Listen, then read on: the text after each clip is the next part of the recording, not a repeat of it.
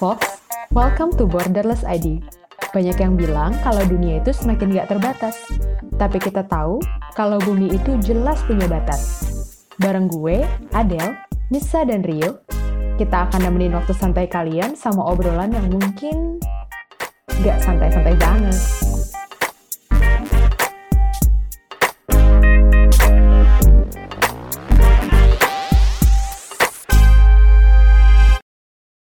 Halo semua, balik lagi di Borderless ID. Kali ini gue Nisa, nggak ditemenin sama Rio sama Adele, karena kita udah pecah fungsi nih kayaknya.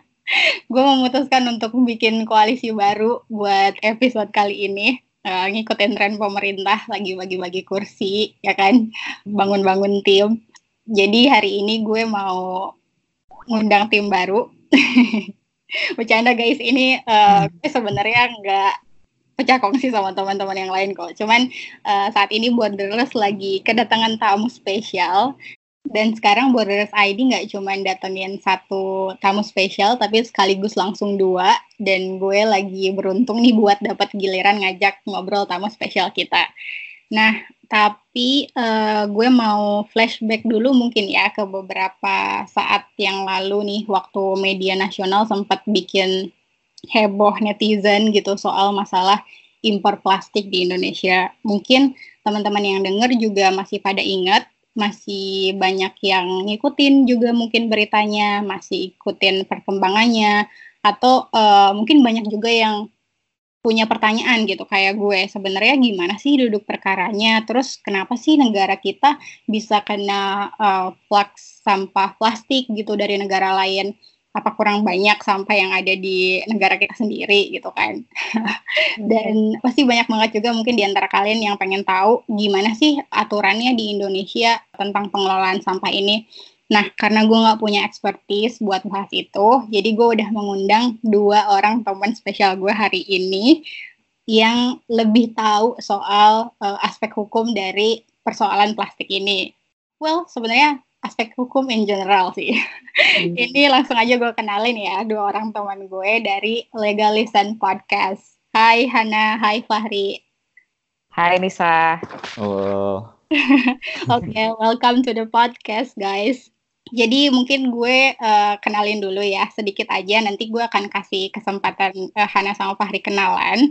Tapi intinya Legalisan ini podcast baru, baru ya guys baru sih.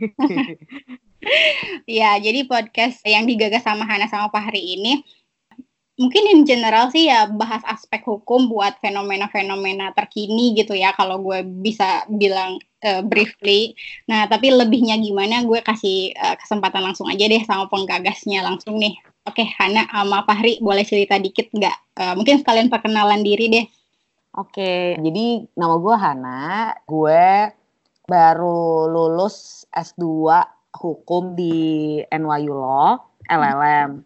Dan rekan gue adalah Neng Neng. Fahri. Kebetulan juga sama kayak Hana, LLM, tapi di Belanda, di Utrecht University. Oke, okay. hmm. yang baru dapat distinction ya? Iya. mantap banget sih. ya alhamdulillah lah akhirnya tadi saya keluar nilainya. Oke, okay. nah uh, iya. mungkin bisa cerita dikit nggak soal legal listen nih sebenarnya podcast yang bahas apa sih, terus kenapa sih kalian memutuskan untuk bikin podcast tentang mungkin isu-isu hukum gitu? Iya, kalau hmm. dari seingat gua nih hmm. sangat spontan sih idenya, hmm. jadi hmm. slides into DM aja gitu, kayaknya kayak gua waktu itu Hana lagi di mana, gua komen Instagram stories ya terus tiba-tiba Hana juga mengajak gitu eh bikin podcast yuk gitu. Uh, dan kebetulan Hana udah pulang ke Indonesia kan. Uh, jadi akhirnya gue juga waktu itu sudah menyelesaikan tesis dan gue pikir ya udah kan gue sama Hana juga sama-sama kuliah di luar negeri dan banyak hal-hal baru yang kami pelajari tentang hukum. Ya sudah kenapa akhirnya juga tidak membagi hal yang kami pelajari ke orang-orang lain gitu sih. Hmm. Gimana lagi Tuhan? Iya, maksudnya benar-benar. Maksudnya aim kita sih sebenarnya karena kayak kita udah dapat kesempatan untuk apa mengambil pendidikan di luar gitu, pendidikan hukum. Nah, kita pengennya kayak bisa punya wadah untuk bagi-bagi apa yang kita dapat, tapi lebih kita kaitin ke either itu ke isu yang di kelas yang kita pelajari atau yang isu-isu di Indonesia yang menurut kita menarik untuk dibahas. Gitu. Oke, oke, oke, nice, nice, nice. Sekalian jadi kayak platform sharing gitu kali ya. Betul. Nah, oke, okay, berarti uh, semoga ini diskusi bareng borderless memperluas platform ya. Iya. Padahal followers kita juga masih sedikit, makanya guys follow di follow. Ya, sama betul. sama. Sama follow kita deh. Cross marketing kita. Iya, cross marketing. Oke, um, Oke, gue langsung aja kali ya ke topik utama kita kali ini nih, karena kayaknya banyak yang harus di cover. Ya, gue tuh dapat angka dari BPS kalau impor sampah kita itu tahun kemarin naik uh, 141 persen, sementara angka ekspornya turun 48 persen. Jadi ada sekitar uh, 184.700 ton yang nggak tahu nasibnya kayak gimana gitu, uh, nggak tercatat lah intinya. Nah, banyak yang bilang kalau tren impor sampah yang tinggi ini karena juga efek Cina nutup keran sampah impor uh, jenis plastik tertentu. Kalau nggak salah tahun ini mereka ngeban 24 jenis plastik, tahun depan mau 32 gitu. Jadi akhirnya hmm. kayak negara-negara pengekspor sampah kayak US, Europe, uh, Aussie, Jepang tuh kan otomatis kehilangan tanda kutip tempat buat buang sampah gitu ya. Hmm. Uh, karena selama ini Cina ekspor sampah uh, hampir 50% gitu. Nah, hmm. menurut kalian nih, sebenarnya tren impor sampah kita yang naik itu emang jadi bukti kalau negara kita ya bisa dibilang jadi pelarian empuk untuk negara pengekspor sampah atau gimana sih sebenarnya ada faktor-faktor apa aja sih gitu apa cuma dari aspek aturannya aja yang loose banget makanya negara kita jadi pelarian gitu atau misalnya ada faktor-faktor lain sih sebenarnya? Hmm. Jadi sebenarnya karena kami juga karena diundang oleh Borderless untuk membahas ini, gue juga jadi belajar sih intinya apa sebenarnya yang terjadi di permasalahan si impor ekspor sampah ini. Ya. Mau nggak mau sih menurut gue tetap apa yang terjadi dengan Cina tuh sangat apa ya disruptif untuk flow trading market sampah ini yang terjadi di dunia gitu. Soalnya gue lihat baca juga datanya katanya hampir setengahnya tuh emang semuanya dibuangnya ke Cina gitu. Dan oke okay, saya itu sangat jelas dapat berpengaruh terhadap flow-nya si trading impor-impor sampah ini gitu. Pastinya itu berpengaruh sih salah satu faktornya. Dan yang pasti sih negara-negara besar perusahaan-perusahaan di negara-negara yang lebih maju tadi itu juga mereka pasti melihat sih menurut gua. Negara yang mana sistem pengolahan sampahnya dan mungkin peraturannya tuh ada beberapa loopholes-nya juga gitu Hmm. Jadi itu juga yang dimanfaatkan. Dan kalau misalnya kita lihat pun ada berita-berita bahkan sebenarnya sih isi kontainer yang kemarin dikembalikan sama Indonesia dan Malaysia itu kan isinya tuh nggak full sampah plastik gitu kan. Ada yang bilang sebenarnya itu ada sampah-sampah kertas juga yang sebenarnya boleh masuk ke Indonesia yang hmm. sudah diatur, tetapi disusupin juga sampah-sampah plastik yang sebenarnya itu termasuk limbah yang berbahaya gitu. Hmm, sampai nyampur gitu ya kayak antara yang kertas juga, plastik juga gitu ya. Jadi sebenarnya mereka nyelundupin itu di antara sampah-sampah yang sebenarnya udah punya green light gitu kali ya. Hmm. Gue pengen nambahin dikit aja hmm. sih kalau tadi kan pertanyaannya uh, kenapa Indonesia sama misalnya negara lain gitu kan kayak Malaysia tadi ya itu dijadiin apa namanya sasaran empuk. Soalnya kan sebenarnya namanya juga negara maju ya, mereka punya teknologi yang baik dan mereka juga peraturan yang baik. Dan hmm. tuh kayak kita baca-baca dari tahun 1980-an itu mereka emang udah nge-tightening policy mereka gitu untuk sampah, cara pengolahan sampah dan sebagainya. Makanya mereka kayak oh ya udah nih dari 1980 mereka udah nyari target mana nih yang tadi kata Fahri ada loophole-nya. Yang mana jawabannya mungkin memang Southeast Asian countries itu sasaran empuk gitu. Oke, oke. Nah, kan tadi udah dibahas kalau misalnya memang sepertinya ada kecenderungan kayak gitu ya ketika misalnya peraturan di kita nggak seketat apa yang diberlakukan di negara-negara maju akhirnya kita mungkin jadi sasaran uh, pengekspor sampah ini gitu. Nah, kalian mungkin bisa jelasin nggak sih sebenarnya peraturan-peraturan apa sih yang sekarang setidaknya tersedia di Indonesia terkait pengelolaan sampah ini gitu? Dan apa yang bisa dijadiin acuan untuk nanganin masalah ekspor impor sampah ini gitu? Karena gue nggak punya knowledge soal hukum ya, cuman kalau yang gue denger uh, dari diskusi publik aja gitu mereka bilang ya emang Indonesia nggak punya aturan khusus gitu. Sampah plastik apa yang boleh diimpor sama enggak tuh emang enggak ada. Cuman gue nggak tahu beneran enggak ada atau sebenarnya mungkin peraturan besarnya udah ada gitu atau gimana sih sebenarnya di Indonesia kondisinya? Uh, jadi itu sebenarnya udah ada sih peraturannya tapi memang ada gray area lah yang mungkin bikin apa namanya ini jadi agak masalah gitu kan. Jadi itu peraturan dasarnya itu ada di dua undang-undang Undang-undang pertama itu namanya Undang-Undang tentang Pengelolaan Sampah tahun 2008. Nah, di situ memang general rule-nya itu adalah impor sampah itu tidak diperbolehkan. Bahasanya dia pakai termnya sampah di situ. Nah, sampah itu macam-macam, ada termasuk sampah rumah tangga, sampah sejenis sampah rumah tangga atau sampah spesifik. Hmm. Nah, sampah spesifik itu termasuk sampah yang mengandung limbah B3.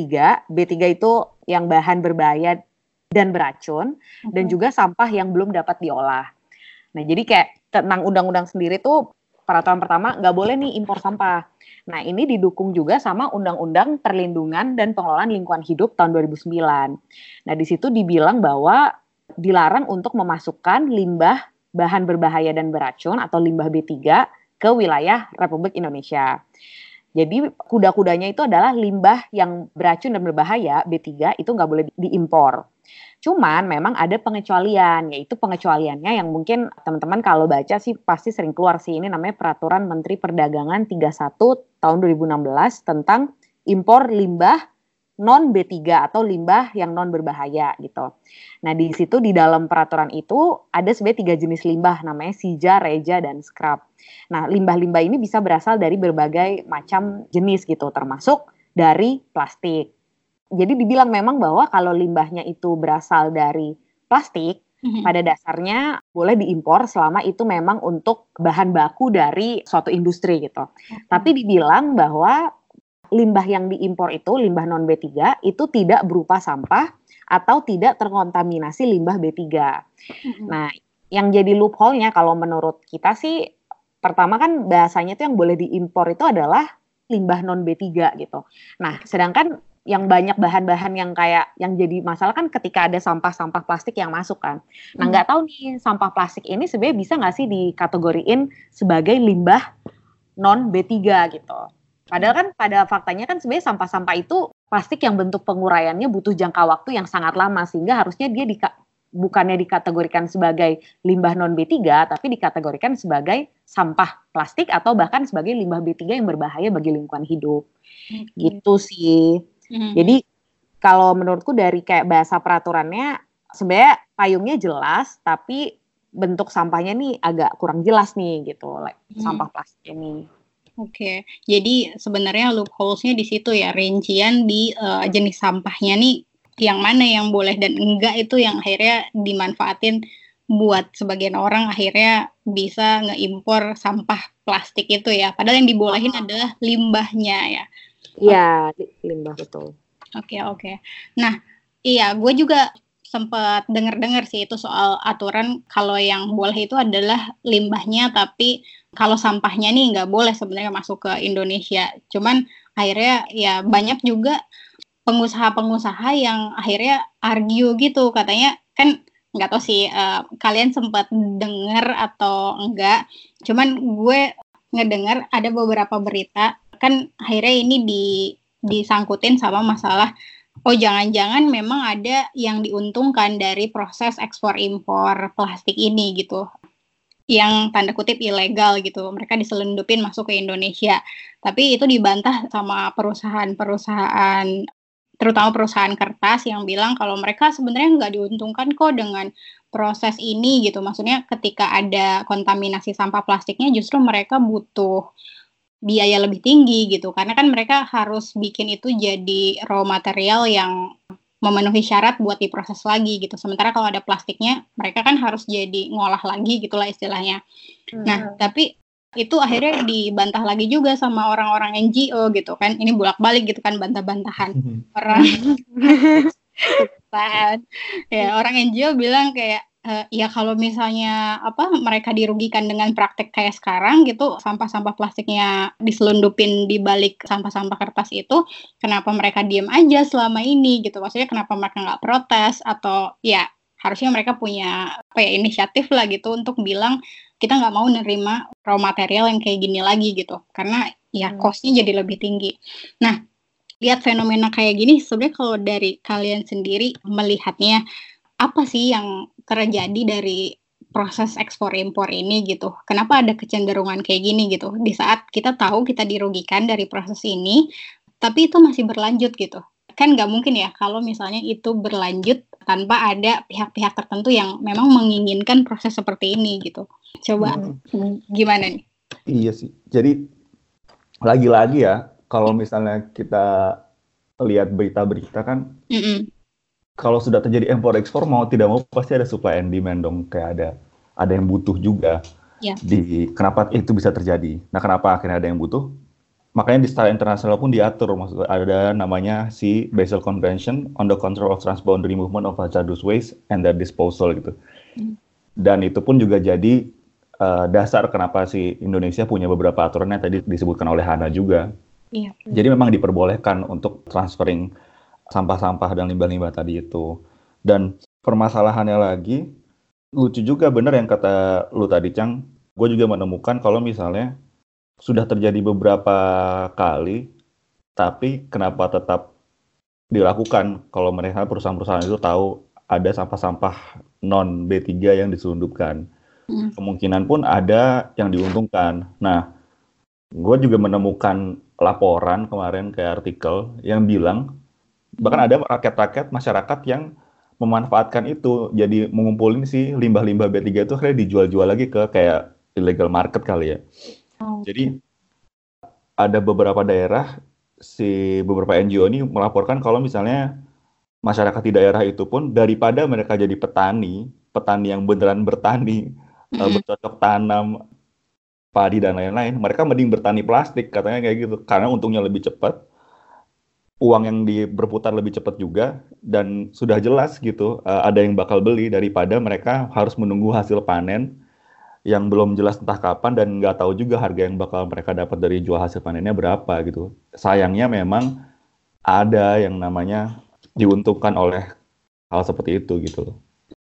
Iya, sedih sih ya ngedengar fakta ini. Maksudnya kalau teman-teman yang dengar sempat cek podcastnya Legalisten yang terakhir soal uh, polusi plastik itu pasti tahu mereka sempat bahas tuh kalau suatu saat nanti di Indonesia lautnya dibanding banyakkan ikan lebih banyak plastik terus yeah.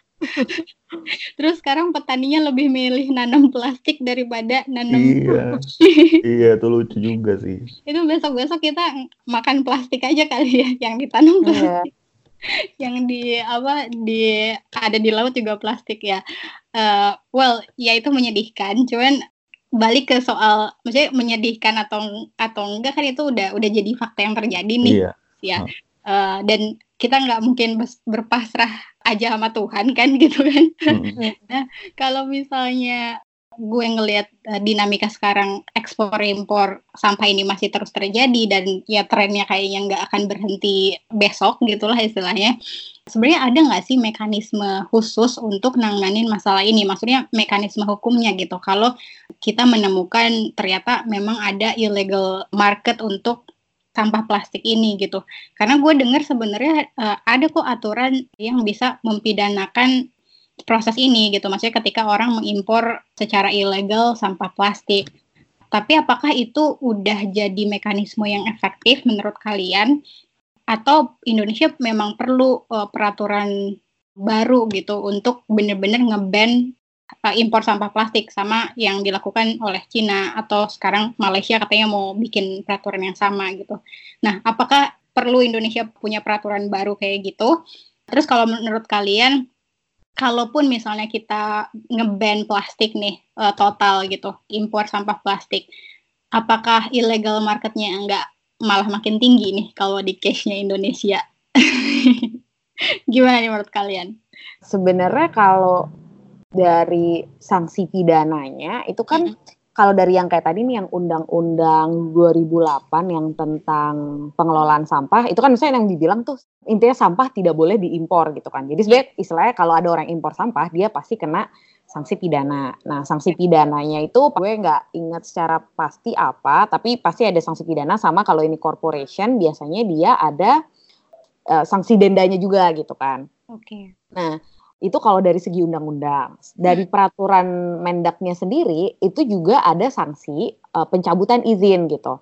Hmm. Dia bilang bahwa pemegang dari izin itu, istilahnya orang yang melakukan impor, dia uh, akan dicabut izinnya bila dia melakukan beberapa hal. Salah satunya adalah memindahkan dan atau memperdagangkan limbah yang diimpor hmm. atau tidak melaksanakan kewajiban-kewajiban. Salah satunya mengolah sendiri limbah yang diimpor. Okay. Nah, sebenarnya menurut gua tuh kayak dari segi kerangka peraturan yang sanksi sih sebenarnya udah ada gitu. Tapi mungkin kalau misalnya gue jadi pengusaha, gue bakal bilang lagi, oh oke, okay. ini kan ceritanya sanksi untuk kalau gue ngeimpor sampah limbah non B3 gitu kan. Iya. Yeah. Selain kalau pakai si peraturan permendaknya gitu. Kalau gue ngimpor plastik yang masih belum jelas statusnya gimana, ya mungkin gue bisa aja dikenain untuk pencabutan izin ini atau nggak sama sekali gitu. Mm-hmm. Jadi maksudnya kalau dari segi perusahaannya dia tetap bisa kabur sih untuk hal ini. Walaupun hmm. walaupun mungkin ada faktor eksternal kayak ada NGO yang impose mereka atau enggak enggak ada enggak ada nama mereka, tapi ya mereka tetap ada jalan sih menurutku gitu. Oke hmm, oke. Okay, okay. Iya sih.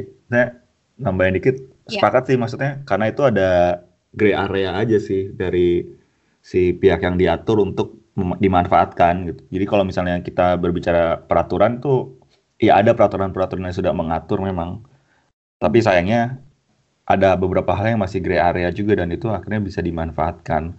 Kalau misalnya menghentikan menghentikan si plastik ini masuk ke Indonesia pun menurut gua harus dari impornya kali ya dari iya sih sangat perusahaan iya sukainya. Maksudnya yang di bagian custom lah di, Bener, di pelabuhan sana sangat optimistis sekali sih. Itu bisa diatur saya gini gini sih cang. Saya kayak apa pun tuh bisa diatur sebenarnya. Selama regulator pun setuju semua selama stakeholders yang apa uh, yang berperan di situ regulator dan stakeholders setuju untuk mengatur itu gitu kan. Apa pun bisa diatur. Hmm. cuma kan permasalahannya lagi setelah ada ada aturan gimana nih yang menerapkan aturannya pihak-pihaknya? Ya contohnya salah satunya kan berarti dari pihak bea cukai kalau nggak salah kan. Soalnya kan yang masuk sampah ini kan dari kontainer-kontainer besar. Mereka bukan pengusaha-pengusaha kecil dong. Mm -hmm. jadi pasti kita urusannya juga sama perusahaan-perusahaan besar gitu loh dan menurut gua salah satu caranya bagian implementasi harus ada investasi besar juga ke misalnya ke bea cukainya untuk mereka melihat dan memeriksa kontainer yang masuk ke Indonesia dengan detail Walaupun hmm. nanti aturan baru kalau misalnya ada sudah jelas gitu, yang plastik tidak boleh diimpor yang mana dan tidak boleh ada arah ada larangan impor untuk plastik-plastik tertentu, harus tetap ada pihak yang menerapkan hukumnya secara ketat juga. Hmm. Oke. Okay. Kalau ini udah masalah B2B gitu kali kan, bukan kayak yang peraturan di Bali di legalisan kemarin kita bahas tentang dari customernya, sisi dari apa pengguna gitu ya. Walaupun sebenarnya kayak bagus juga kalau misalnya ada support dari pemerintah lokal. Soalnya kan kayak tadi mungkin hmm. yang Fari udah bilang juga di daerah itu mereka lebih mending jadi petani plastik karena lebih menguntungkan kan. Jadi ini kayak simbiosis mutualisme gitu loh. Jadi perusahaan ada orang yang ngambil-ngambil plastiknya sebagai konsumen mereka dan si para petani itu juga rakyat kecil juga bisa ngambil plastik untuk dijual lagi gitu kan. Nah, hmm. mungkin dari pemerintah lokal kali ya yang bisa lebih, lebih ngatur lagi tentang pengolahan sampah untuk atau penjualan sampah untuk masyarakat lokal gitu. Karena kayak yang mungkin kalau yang di podcast kita terakhir itu kita maksudnya melihat bukti bahwa ada peraturan uh, gubernur Bali. Tentang larangan penggunaan sampah yang menurut kita sangat apa ya harmoni lah dengan keadaan masyarakat Bali gitu. Nah mungkin sebenarnya peraturan-peraturan lokal itu jika dibentuk dengan baik bisa memberikan efek yang baik juga bagi masyarakat di daerah situ sih. Yang kalinya banyak nih kan pabrik-pabrik di Jawa gitu kan biasanya tuh. Iya, iya. Iya benar. Di Jawa Timur kan terakhir yang kasus sampah mm -hmm. banyak itu kan ya. Iya, mm -hmm. iya. Uh, menarik sih since uh, lo tadi Han udah mention uh, pemerintah lokal nih punya roles gitu kan uh, buat ya apa ya ikut juga bisa memberikan enforcement gitu ya supaya uh, penggunaan plastiknya bisa diminimalisir terus juga uh, supaya daerahnya punya peraturan yang lebih ramah lingkungan dan lain-lain terus tadi juga uh, Fahri udah mention soal kasus di ya misalnya contohnya di Bali gitu. Nah, uh, gue juga sempat dengar sih emang kalau pemerintah lokal tuh sebenarnya punya punya kewenangan untuk mengeluarkan aturan tertentu gitu. Misalnya larangan penggunaan plastik sekali pakai gitu ya. Cuman kok kenapa cuman beberapa daerah gitu di Indonesia yang akhirnya memutuskan ini. Nah, menurut kalian ini memang karena ya balik lagi willingness dari masing-masing pemerintah daerah atau ada faktor lain sih sebenarnya dari resource mungkin atau apa sih sebenarnya yang hmm, maksudnya kalau memang mereka diperbolehkan untuk untuk membuat peraturan kayak gitu kenapa hanya sebagian daerah yang akhirnya punya inisiatif kayak gitu? Menurut kalian apa yang yang masih jadi challenge buat pemerintah lokal punya kapasitas kayak gitu? Karena inisiatif juga sih menurut gua salah satunya. Karena kalau tidak salah di Bali pun bisa mengeluarkan aturan seperti itu karena ada gerakan dari grassrootsnya juga yang setelah ber, udah bertahun-tahun lah okay. uh, untuk mengurangi sampah plastik. Dan semalam tuh gue juga uh, riset lagi. Dan ada beberapa daerah juga yang akhirnya mengeluarkan aturan yang sama seperti di Bali, mm. Balikpapan, Bogor, Jambi, dan pasar pun di kotanya. Jadi Bali kan peraturan gubernurnya ya. Yeah. Peraturan turunannya di Denpasarnya pun dia si wali kotanya mengeluarkan aturan juga yeah. Iya. uh, untuk pengurangan penggunaan kantong plastik. Dan katanya Jakarta dan Bandung juga nanti akan mengeluarkan aturan tentang sampah plastik juga. Mm. Dan tentunya setiap daerah nih kalau misalnya mereka mau mengeluarkan aturan tuh juga harus siap-siap dengan yang namanya hak warga negara lain yaitu kalau misalnya ada uji yang mengajukan uji material gitu ke Mahkamah Agung. Jadi kalau misalnya ada pihak yang merasa peraturan ini merugikan dan juga e, bertentangan dengan aturan-aturan atasnya gitu. Mereka tuh berhak untuk mengajukan uji material ke Mahkamah Agung. Contohnya si Permendak Bali yang kemarin pun yang tentang penggunaan sampah, pembatasan timbulan sampah plastik sekali pakai yang kami bahas di podcast juga, ternyata kemarin sempat uh, diajukan uji material juga uh, oleh pihak kelompok tertentu gitu yang merasa peraturannya ini merugikan buat mereka. Walaupun akhirnya ditolak oleh MA gitu. Oh. Dan jadi walaupun udah ditolak, jadi tetap berlaku sampai sekarang si peraturannya itu. Sama soalnya gue sama Hana sempat bahas juga peraturan itu lumayan ketat dan lumayan apa ya keras juga hitungannya karena produsen dibilang dilarang memproduksi plastik sampah sekali pakai gitu.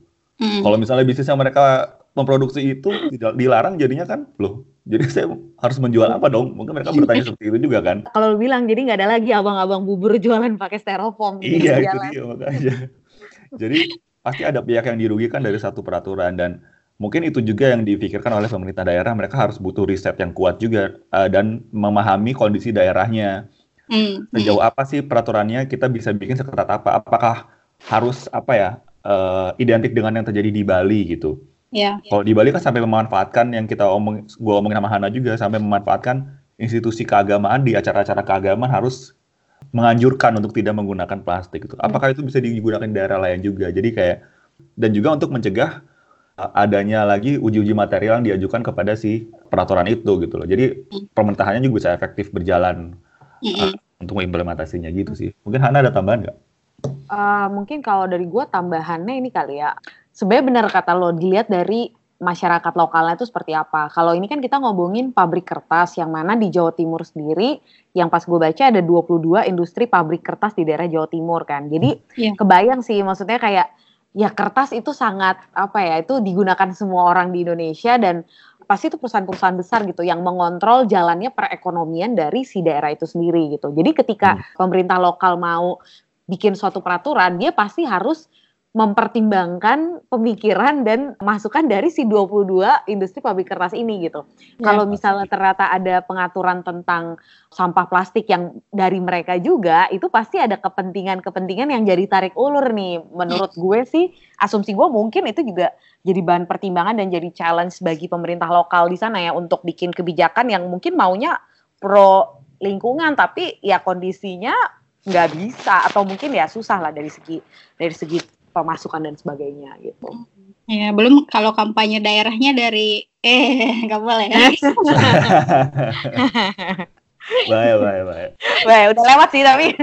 Oke, kita uh, nggak ke arah situ. Tapi gue suka banget sih sama poin diskusi kalian yang bahas juga ya institusi agama itu dipakai segala macam kayak se-efektif apa itu kemudian bisa mengajak masyarakat untuk sama-sama juga mendukung peraturan supaya lebih ramah lingkungan dan lain sebagainya. Itu menarik banget sih menurut gue kayak gimana caranya mencari peraturan atau uh, approach yang sesuai sama kondisi masyarakatnya gitu. Itu kayaknya memang kayaknya policy makers kita harus udah bisa nangkep hal-hal kayak gitu nggak sih? Jadi supaya yeah. lebih efektif ya. Ya makanya tadi pas bilang Jakarta sama Bandung juga mau punya aturan yang sama. Hmm, gimana? Kita lihat apa Soalnya gue sempat dapat data gitu katanya demand plastik di Indonesia ini kan naik terus ya. Ya selain karena populasi juga nambah kita kan grow-nya masih masih sangat tinggi gitu. Disebutin juga kalau uh, demand terbesar untuk plastik tuh dari industri pengolahan minuman gitu yang tinggi banget pertumbuhannya sampai sekitar 24% lah kalau nggak salah.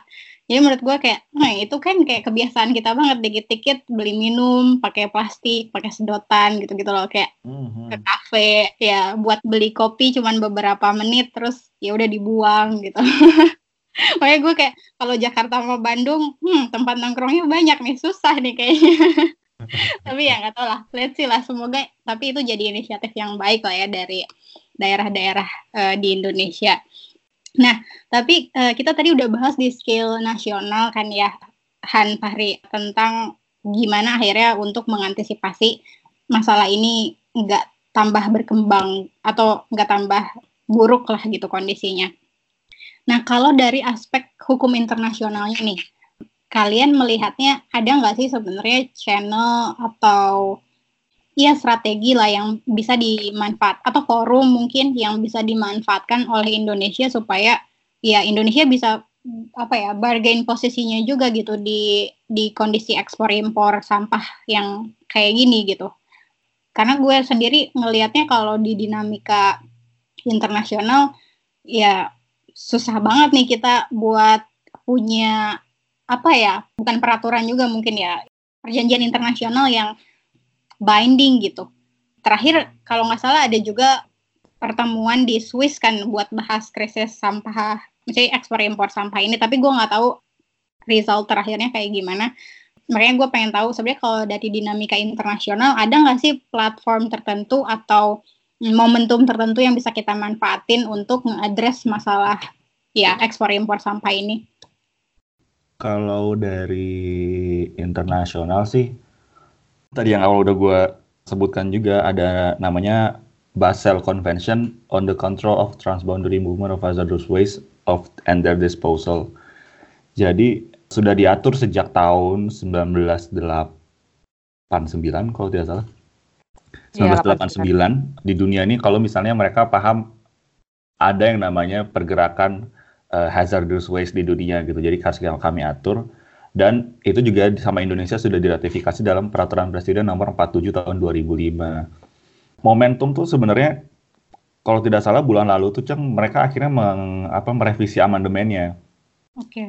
Merevisi amandemen si convention ini dan akhirnya memasukkan sampah plastik gitu sebagai salah satu sampah yang berbahaya dan harus diatur dan harus mendapatkan apa namanya konsen kesepakatan dari negara yang penerima negara penerimanya gitu kalau misalnya kita ngomong interna hukum internasional tuh pasti ini kan negara-negara ini sebenarnya semuanya sama ya. Pada intinya seperti itu. Yeah. kita nggak mempertimbangkan ya mereka negara dengan apa namanya develop atau developing countries itu masalah nanti lah. Intinya teorinya di awal adalah mereka itu sama. Mm. Nggak seperti di hukum nasional yang mana sudah jelas ada yang diatur dan ada yang mengatur gitu kan.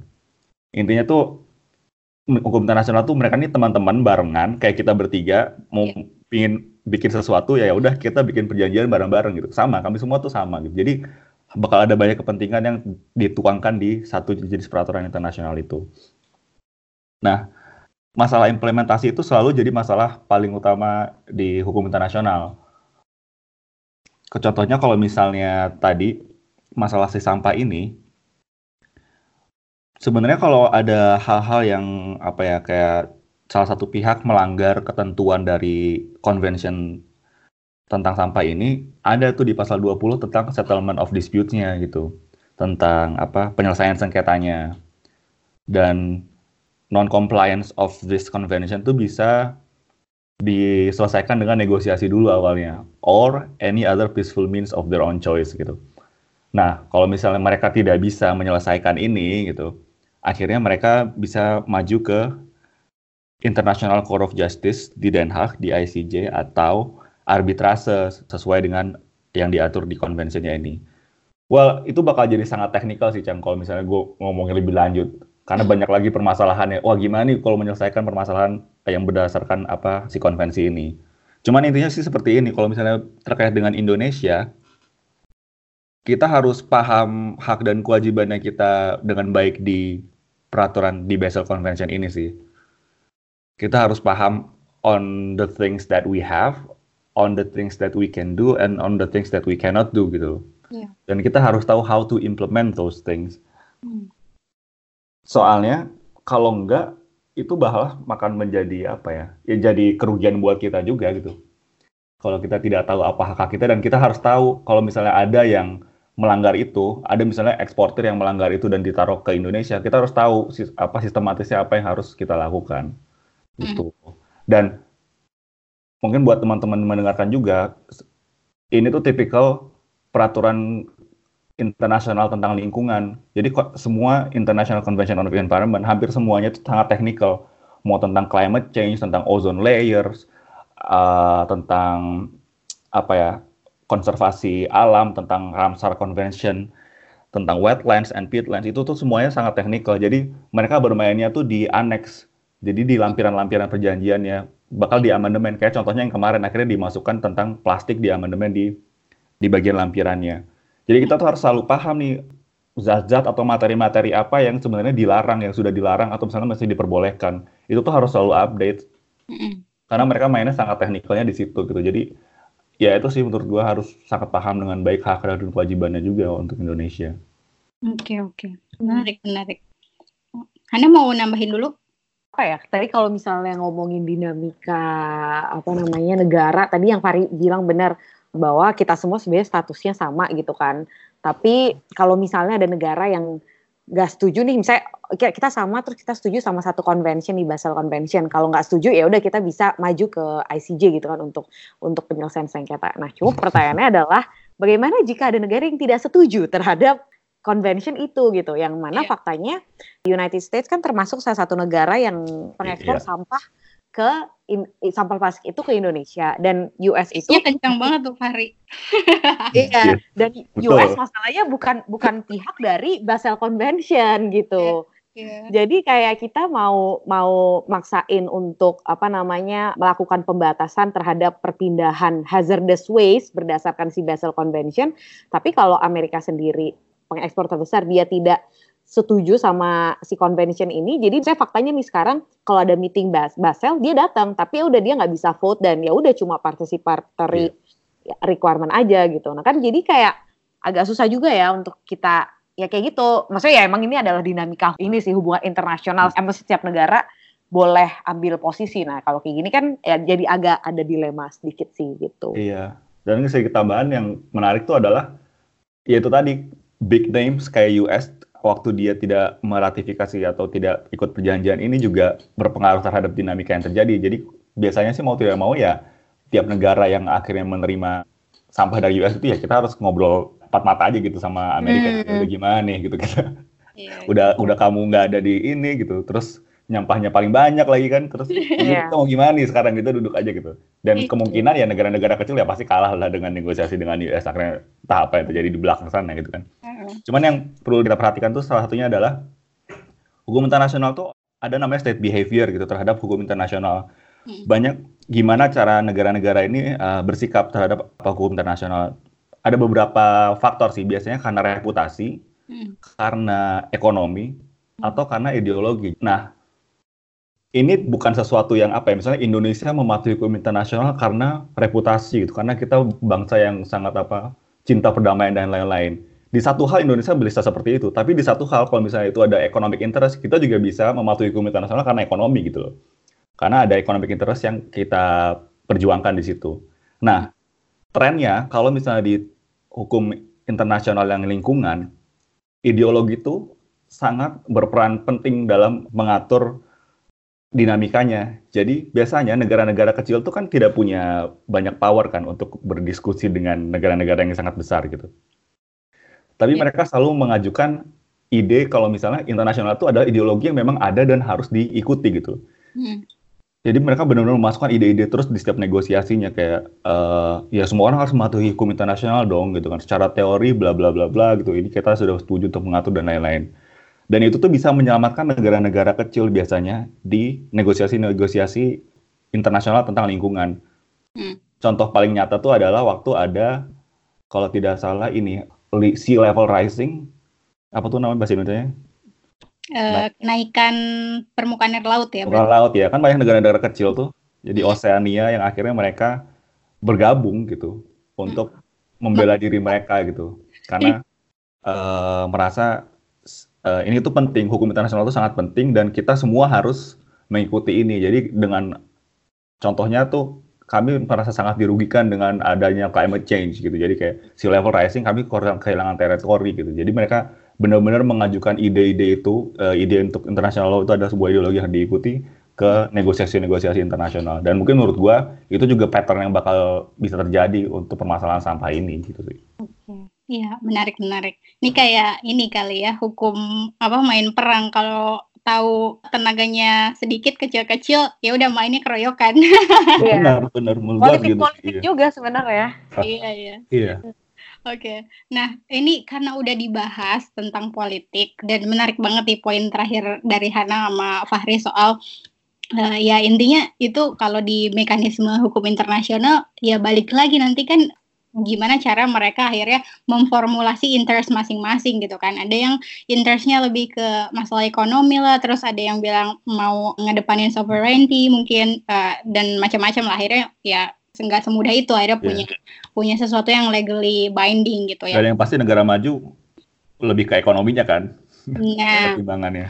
Nah ya karena udah disebut juga tuh soal itu, gue sempat denger nih tentang hmm, ini gue nggak tahu ini bisa dibilang konsep baru apa enggak gitu. Cuman ada beberapa paper terakhir yang melihat tren terkait ekspor impor sampah atau limbah tertentu gitu dari negara maju ke negara berkembang yang akhirnya itu terlihat seperti uh, negara-negara maju ini ya uh, mengexercise power mereka untuk bisa dapetin benefit dari globalisasi uh, trading ini gitu, termasuk di persoalan sampah gitu. Terus mereka bilangnya sebagai ya bentuk neokolonialisme baru gitu, tapi ya hmm. waste gitu bentuknya. Karena kan di satu sisi mereka ini yang ngejualin narasi tentang greening, terus recycling dan segala macam kayak US misalnya, tapi ternyata mereka juga atau UK atau Jepang gitu yang sangat terkenal dengan peraturan-peraturan ramah lingkungannya yang strict dan segala macam tapi di satu sisi mereka juga pengekspor paling besar sampah ke negara-negara berkembang gitu kan. Jadi mm-hmm. kalau kalian melihat fenomena kayak gini nih apa sih tanggapan kalian? Terus gimana sih kayak maksudnya negara-negara kayak kita nih bisa keluar dari siklus-siklus kayak gini gitu? Di satu sisi ya iya betul kita tetap perlu punya hubungan baik sama mereka gitu. Tapi di sisi lain ya kok ya gini bentuknya gitu. Di kita kelimpahan produk udah jelas lah dari lama juga kita kelimpahan produk mereka mulu gitu. Tapi lah sampah juga ya ya ya gimana ya keterlaluan juga kalau sampah juga kita uh, kebagian dedek-dedeknya mulu gitu. Nah menurut kalian gimana nih ngelihat uh, fenomena kayak gini? Hmm, kalau menurut gue sih kan sebenarnya kan tadi neokolonialisme gitu kan. Sebenarnya kan kalau ngelihat konsep kolonialisme itu kan sebenarnya kayak ada dominasi dari suatu pihak ke hmm. pihak yang lain hmm. biasanya terhadap land atau misalnya terhadap tanah untuk mencapai si pihak yang mendominasi ini, misalnya mencapai tujuan si dominator orang yang mendominasi gitu kan. Nah sebenarnya kalau dilihat secara garis besar ya mungkin bisa dibilang begitu ya karena istilahnya kan tadi yang di awal tuh gue bilang bahwa dari tahun 80-an mereka udah punya kebijakan, oh gue nggak mau ada sampah di negara gue, gue harus limit pengolahan sampah caranya yang bagus gimana, dan mereka harus cari ya kalau misalnya US gitu kan ya sebagai negara yang penduduknya terbanyak ketiga di dunia gitu kan mereka pasti pengen cari cara kan untuk buang sampah dari masyarakat-masyarakat mereka yang banyak gitu ya. Makanya mereka pergilah ke negara lain yang mana mereka bisa quote unquote dominasi dan mereka bisa ambil ekstrak benefit gitu dari negara itu dengan cara buang sampahnya gitu kan. Mm. Jadi kalau menurut gue itu bisa dibilang sebagai kolonialisme gitu nah. Tapi caranya gimana kita memposisikan diri menurut gue uh, mungkin kita bisa cari negara yang satu apa ya yang senasib sepenanggungan sama kita gitu. Misalnya kalau dalam case yang sampai ini kan contohnya Indonesia dengan Malaysia dengan Filipina sebagai sesama negara ASEAN gitu kan. Dan kita sebagai sesama negara yang jadi pusat penerimaan limbah sampah plastik gitu. Nah tapi kita udah mulai take action yang kita mau stand the ground bahwa eh gue gak mau terima sampah nih. Misalnya contohnya Indonesia dia baru ngembaliin 5 kontainer sampah ke Amerika bulan Juni terakhir 2019. Kemudian Malaysia juga dia baru kembaliin 3000 ton plastik ke negara asal yang di mana plastik itu berada gitu. Jadi uh, menurutku itu harusnya sih bisa timbulin ini juga ya awareness atau enggak bisa kelihatan gitu posisi dari negara-negara ASEAN ini di mata negara-negara internasional seperti apa sehingga mereka tahu gimana cara memperlakukan kita sebagai negara-negara ASEAN dan untuk mempertimbangkan apakah kita akan buang sampah ke negara ASEAN ini lagi karena kan ada kemungkinan dibalikin lagi gitu sih. Jadi kayak menurutku dengan bikin koalisi dengan negara yang senasib sepenanggungan sih itu bisa jadi apa ya untuk bisa cara jalan untuk keluar lah dari hmm. posisi kolonialisme ini. Iya, iya. Oke, okay. ya harus punya koalisi sih ya bener ya, kayak nyari hmm. temen menyerang. Hmm, betul betul. Ah bos, kita nggak nerima sampah lagi nih gitu. Iya. ya gimana ri, gimana ri? Ya kalau dari hukum internasional emang ya the game is about diplomacy and negotiation kan. Mm -hmm. Ya itu benar kata Hana tadi ya, you have to know your tools and weapons juga. Kalau misalnya kita tidak bisa menghadapi sendiri ya kenapa tidak bareng-bareng gitu. Masalahnya iya. sama kok gitu loh lagi-lagi ya menurut gua kalau misalnya masalah kalau dibilang West colonialism yang memang terjadi, kalau misalnya mau keluar dari siklus itu, ya sesuai pengalaman negeri kita sendiri ya harus stand up for your rights gitu loh. Hmm. Iya kan untuk keluar dari kolonialisasi. Jadi ya, ya, ya tapi memang amandemen Basel Convention yang kemarin itu jadi start yang bagus sih untuk eh, negara-negara uh, kayak Indonesia dan Malaysia dan negara-negara Asia Tenggara lainnya untuk yang menerima impor sampah itu untuk apa ya untuk mulai bergerak sih untuk mulai stand up for their rights untuk untuk bikin stand yang lebih jelas lagi secara internasional gitu. Oke ya. Ya, menarik banget sih ini. Kita udah lumayan banyak nge-cover topik tentang sampah uh, plastik ini. Tadi udah dari kenapa sih kita kebanjiran impor sampah plastik, terus juga kita sempat bahas uh, gimana mekanisme ekspor impor gitu ya, terus masalah hukum, masalah perizinan, bahas juga tentang peran pemerintah daerah, sampai tadi ke dinamika global dan isu tentang isu internasional tentang gimana sih akhirnya kita punya kesempatan negosiasi internasional supaya uh, bisa keluar dari siklus merugikan ini gitu ya. Nah, uh, meskipun mungkin bahasannya nggak bisa ditarik ke titik paling sempit ya uh, teman-teman yang dengar karena masalahnya lumayan kompleks gitu. Semoga ini ya setidaknya jadi another reminder aja buat kita semua kalau jangan mengesampingkan hal-hal kecil gitu ya yang biasa ditaruh di belakang, nggak jadi perhatian publik nih kayak masalah sampah. Tahu-tahu menggunung aja, tahu-tahu besar aja gitu. Kita tiba-tiba banyak uh, kelimpahan sampah gitu. Jadi mungkin ya udah saatnya lah ya ngurangin konsumsi kita supaya sampahnya nggak banyak-banyak amat gitu. Demand uh, plastik juga nggak banyak-banyak amat.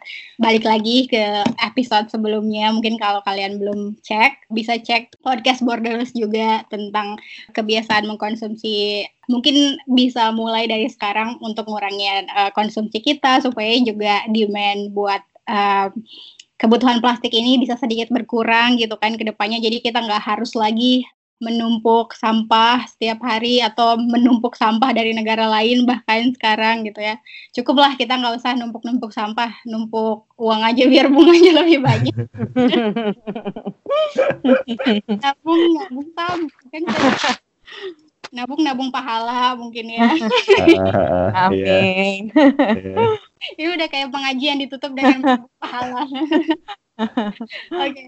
uh, eh, gue udah nggak beres guys, jadi mungkin kita tutup aja. Nah, tapi seperti biasa sebelum nutup, gue mau kasih pertanyaan singkat buat kedua narasumber kita hari ini. Mungkin nanti Hana mau Fahri jawabnya cepet aja ya. Maksudnya uh, langsung okay. jawaban spontan nih. Oke, oke, kayak lagi kuis siapa berani nih. Iya bener.